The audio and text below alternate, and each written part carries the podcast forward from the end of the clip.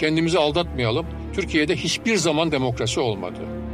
Biz aslında demokrasinin ne olduğunu bilmiyoruz. Yani demokrasi altında yaşamanın ne olduğunu bilmeyen bir toplumuz biz. Yani bu devlet tabii ki bizim devletimiz ama eğer zihniyet olarak bakarsak, eğer ahlak anlayışı olarak bakarsak bu çok matah bir devlet değil. Etyen Mahçupyan Anlatıyor podcast dizimizin dördüncü bölümünü dinliyorsunuz. Dinlemediyseniz daha önceki bölümleri dinleyip sonra bu podcast'e geçmenizi tavsiye ederiz. Haber podcast'le buluştu. Kısa Dalga yayında.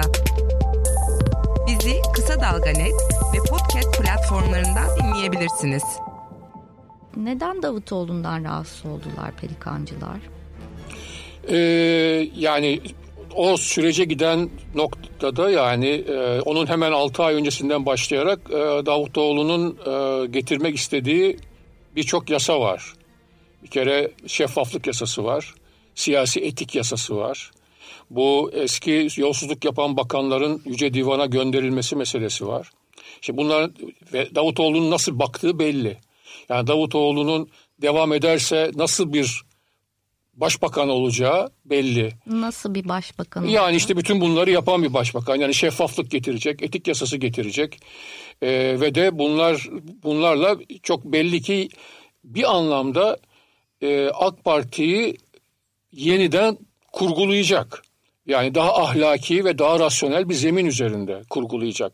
Niyeti o, bakışı o ve bu e, bu yani yapılanlar hep Tayyip Erdoğan tarafından engellendi. Ee, ve özellikle Kasım seçimlerindeki iyi sonuçla beraber Tayyip Erdoğan e, 2015'in sonunda bütün kontrolü eline alabileceği bir konjonktürü yakaladı. Onda çünkü 6 ay önce tam tersi bir psikolojideydi. 15 yani Haziran seçimlerinde yenil yenilmişti. Haziran seçimlerine giderken başkanlık politi şeyi yaptı bildiğimiz gibi. Hani başkanlık sistemini getirmek için kendisi propaganda yaptı. Hı hı. Ee, Anadolu'nun her yerini gezip konuşmalar yaptı ve sonunda seçimlerde yenildi. Ondan sonraki 6 ay tamamen geri çekildi. Hiç sahaya inmedi. Sadece seyretti.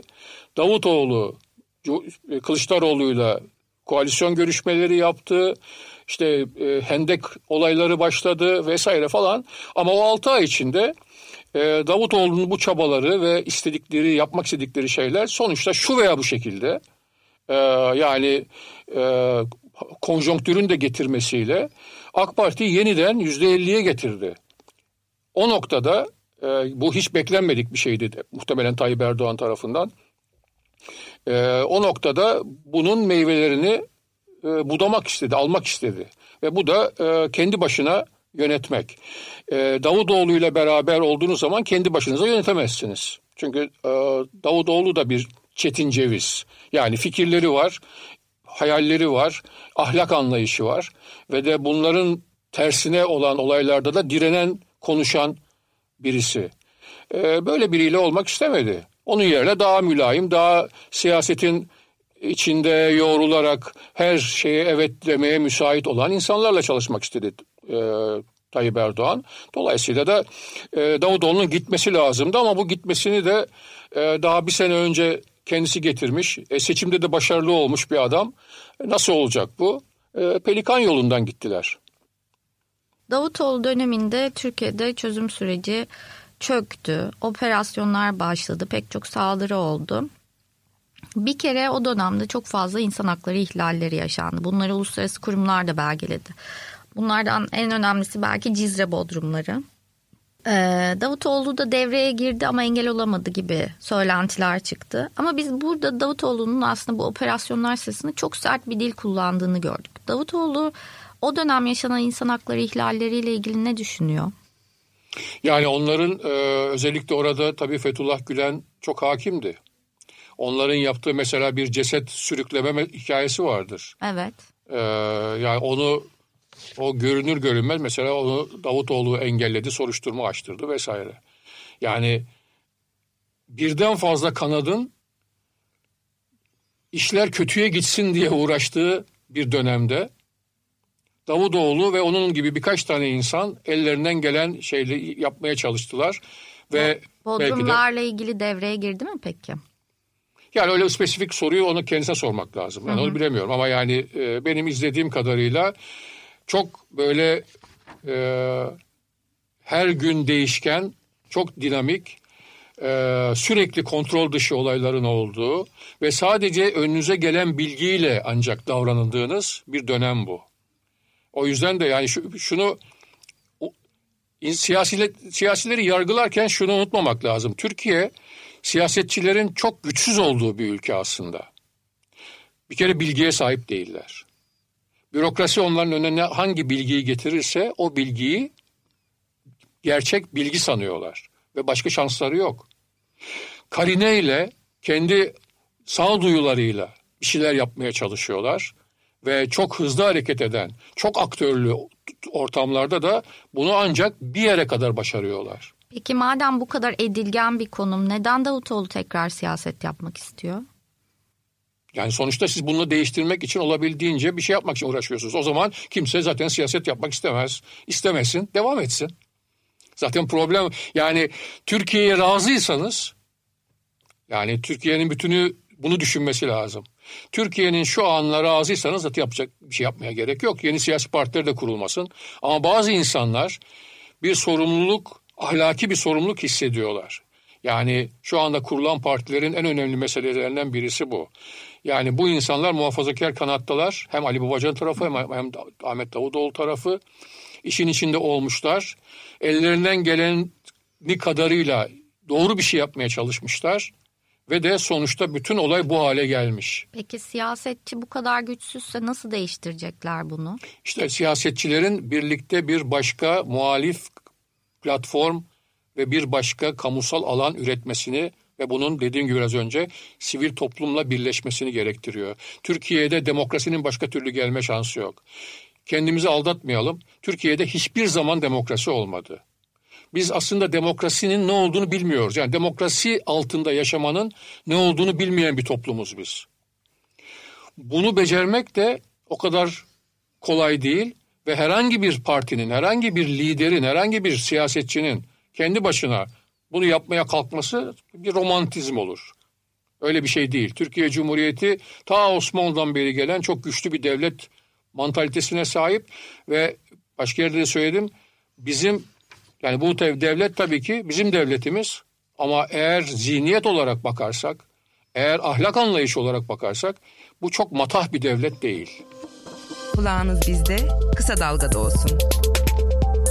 Haber podcastle buluştu. Kısa Dalga Podcast. Peki sizin biraz önce bahsettiğiniz e, güçsüzlük üzerine yani sonuçta bir sürü insan hakları ihlalleri oldu. Gerçekten Türkiye'nin zor bir dönemiydi. Birçok saldırı oldu. Örneğin Ankara'daki Kızılay Meydanı'ndaki saldırıdan sonra Davutoğlu'nun tavrı da çok sertti.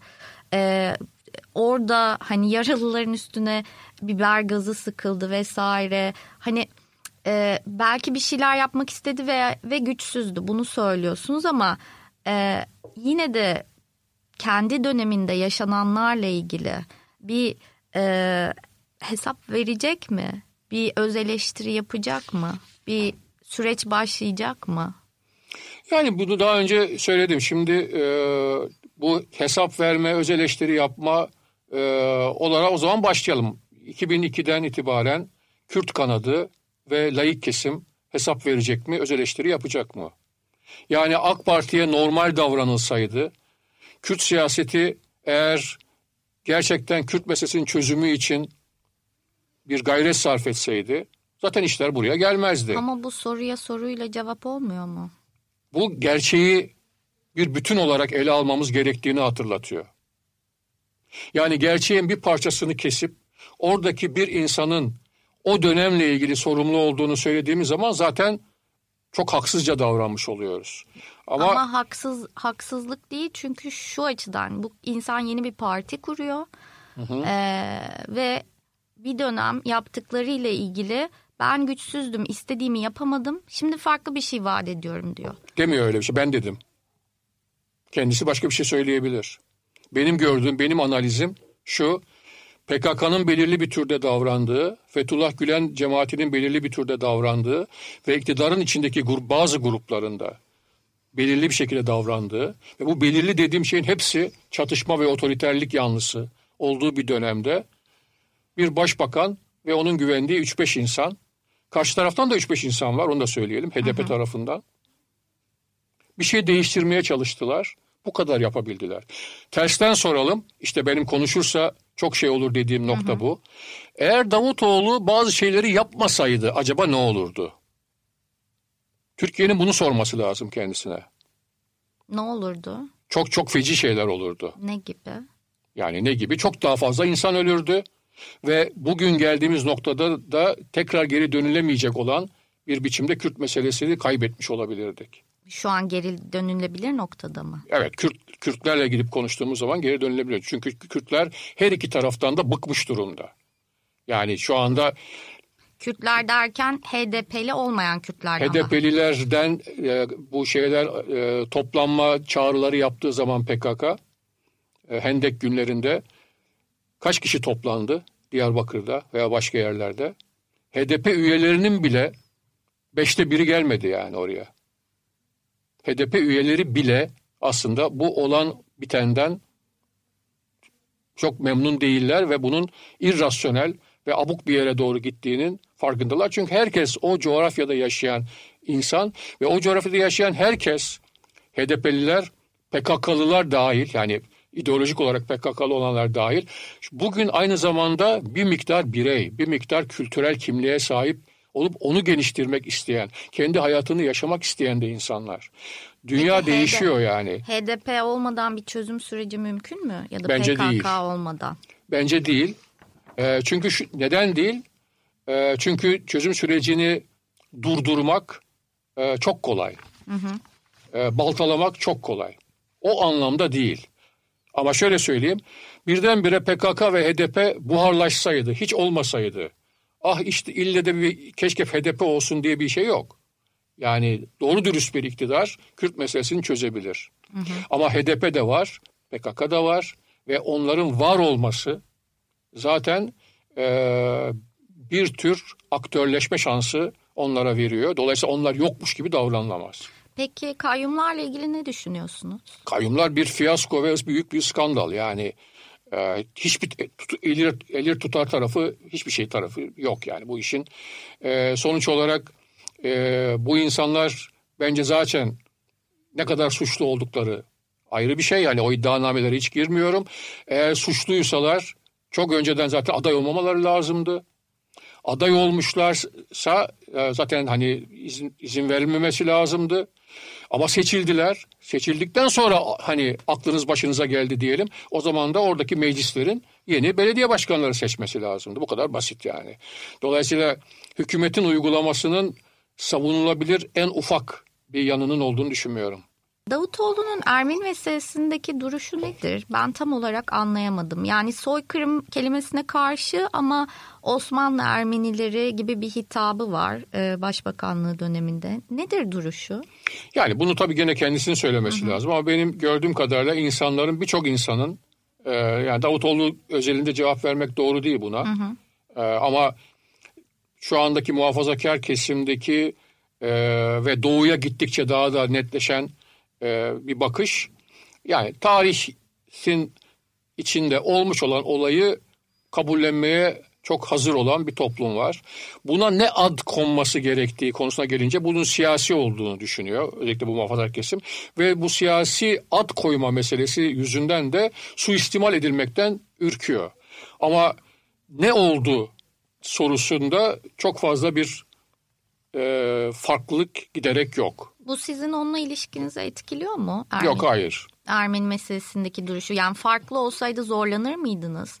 Onun danışmanlığını yapmakta. Farklı olsaydı zorlanırdım tabii. O başka bir şey. Yani öbür uca gitseydi zorlanırdım tabii. E, o da benimle olmaktan zorlanır. Çünkü bana soru sorulduğu zaman ben o zaman da danışman olduğum zaman da düşündüğümü söyledim. Hmm.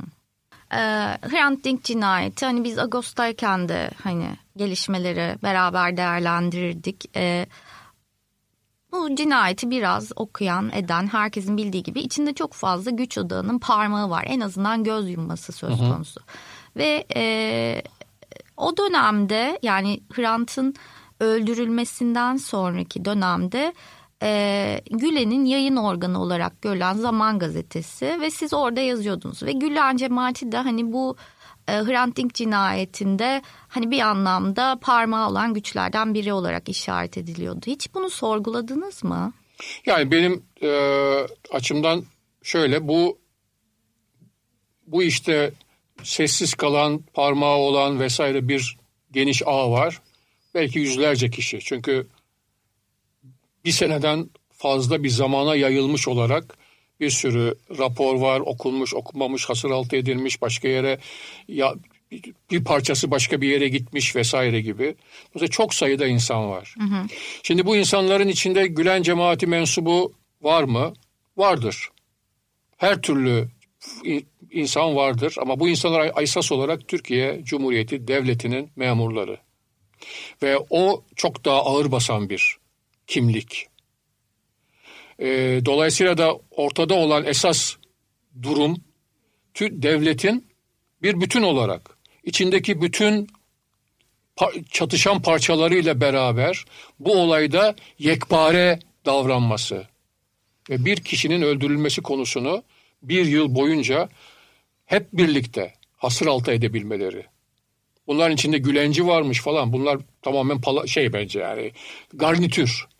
Her türlü insan var bunların içinde. Hı hı. Devletin bu davranışı sergileyebilmesi esas vahim olan olay. Yani ahlaki olarak zamanda yazma konusunu sorgulamadınız mı? Nerede yazarsam yazayım aynı şeydi. Hürriyette yazsam farklı bir şey miydi? Yani Hrant Dink... Ağustos'ta yazsanız farklı bir şeydi. Evet ama sonuç olarak para kazanmam gerekiyor.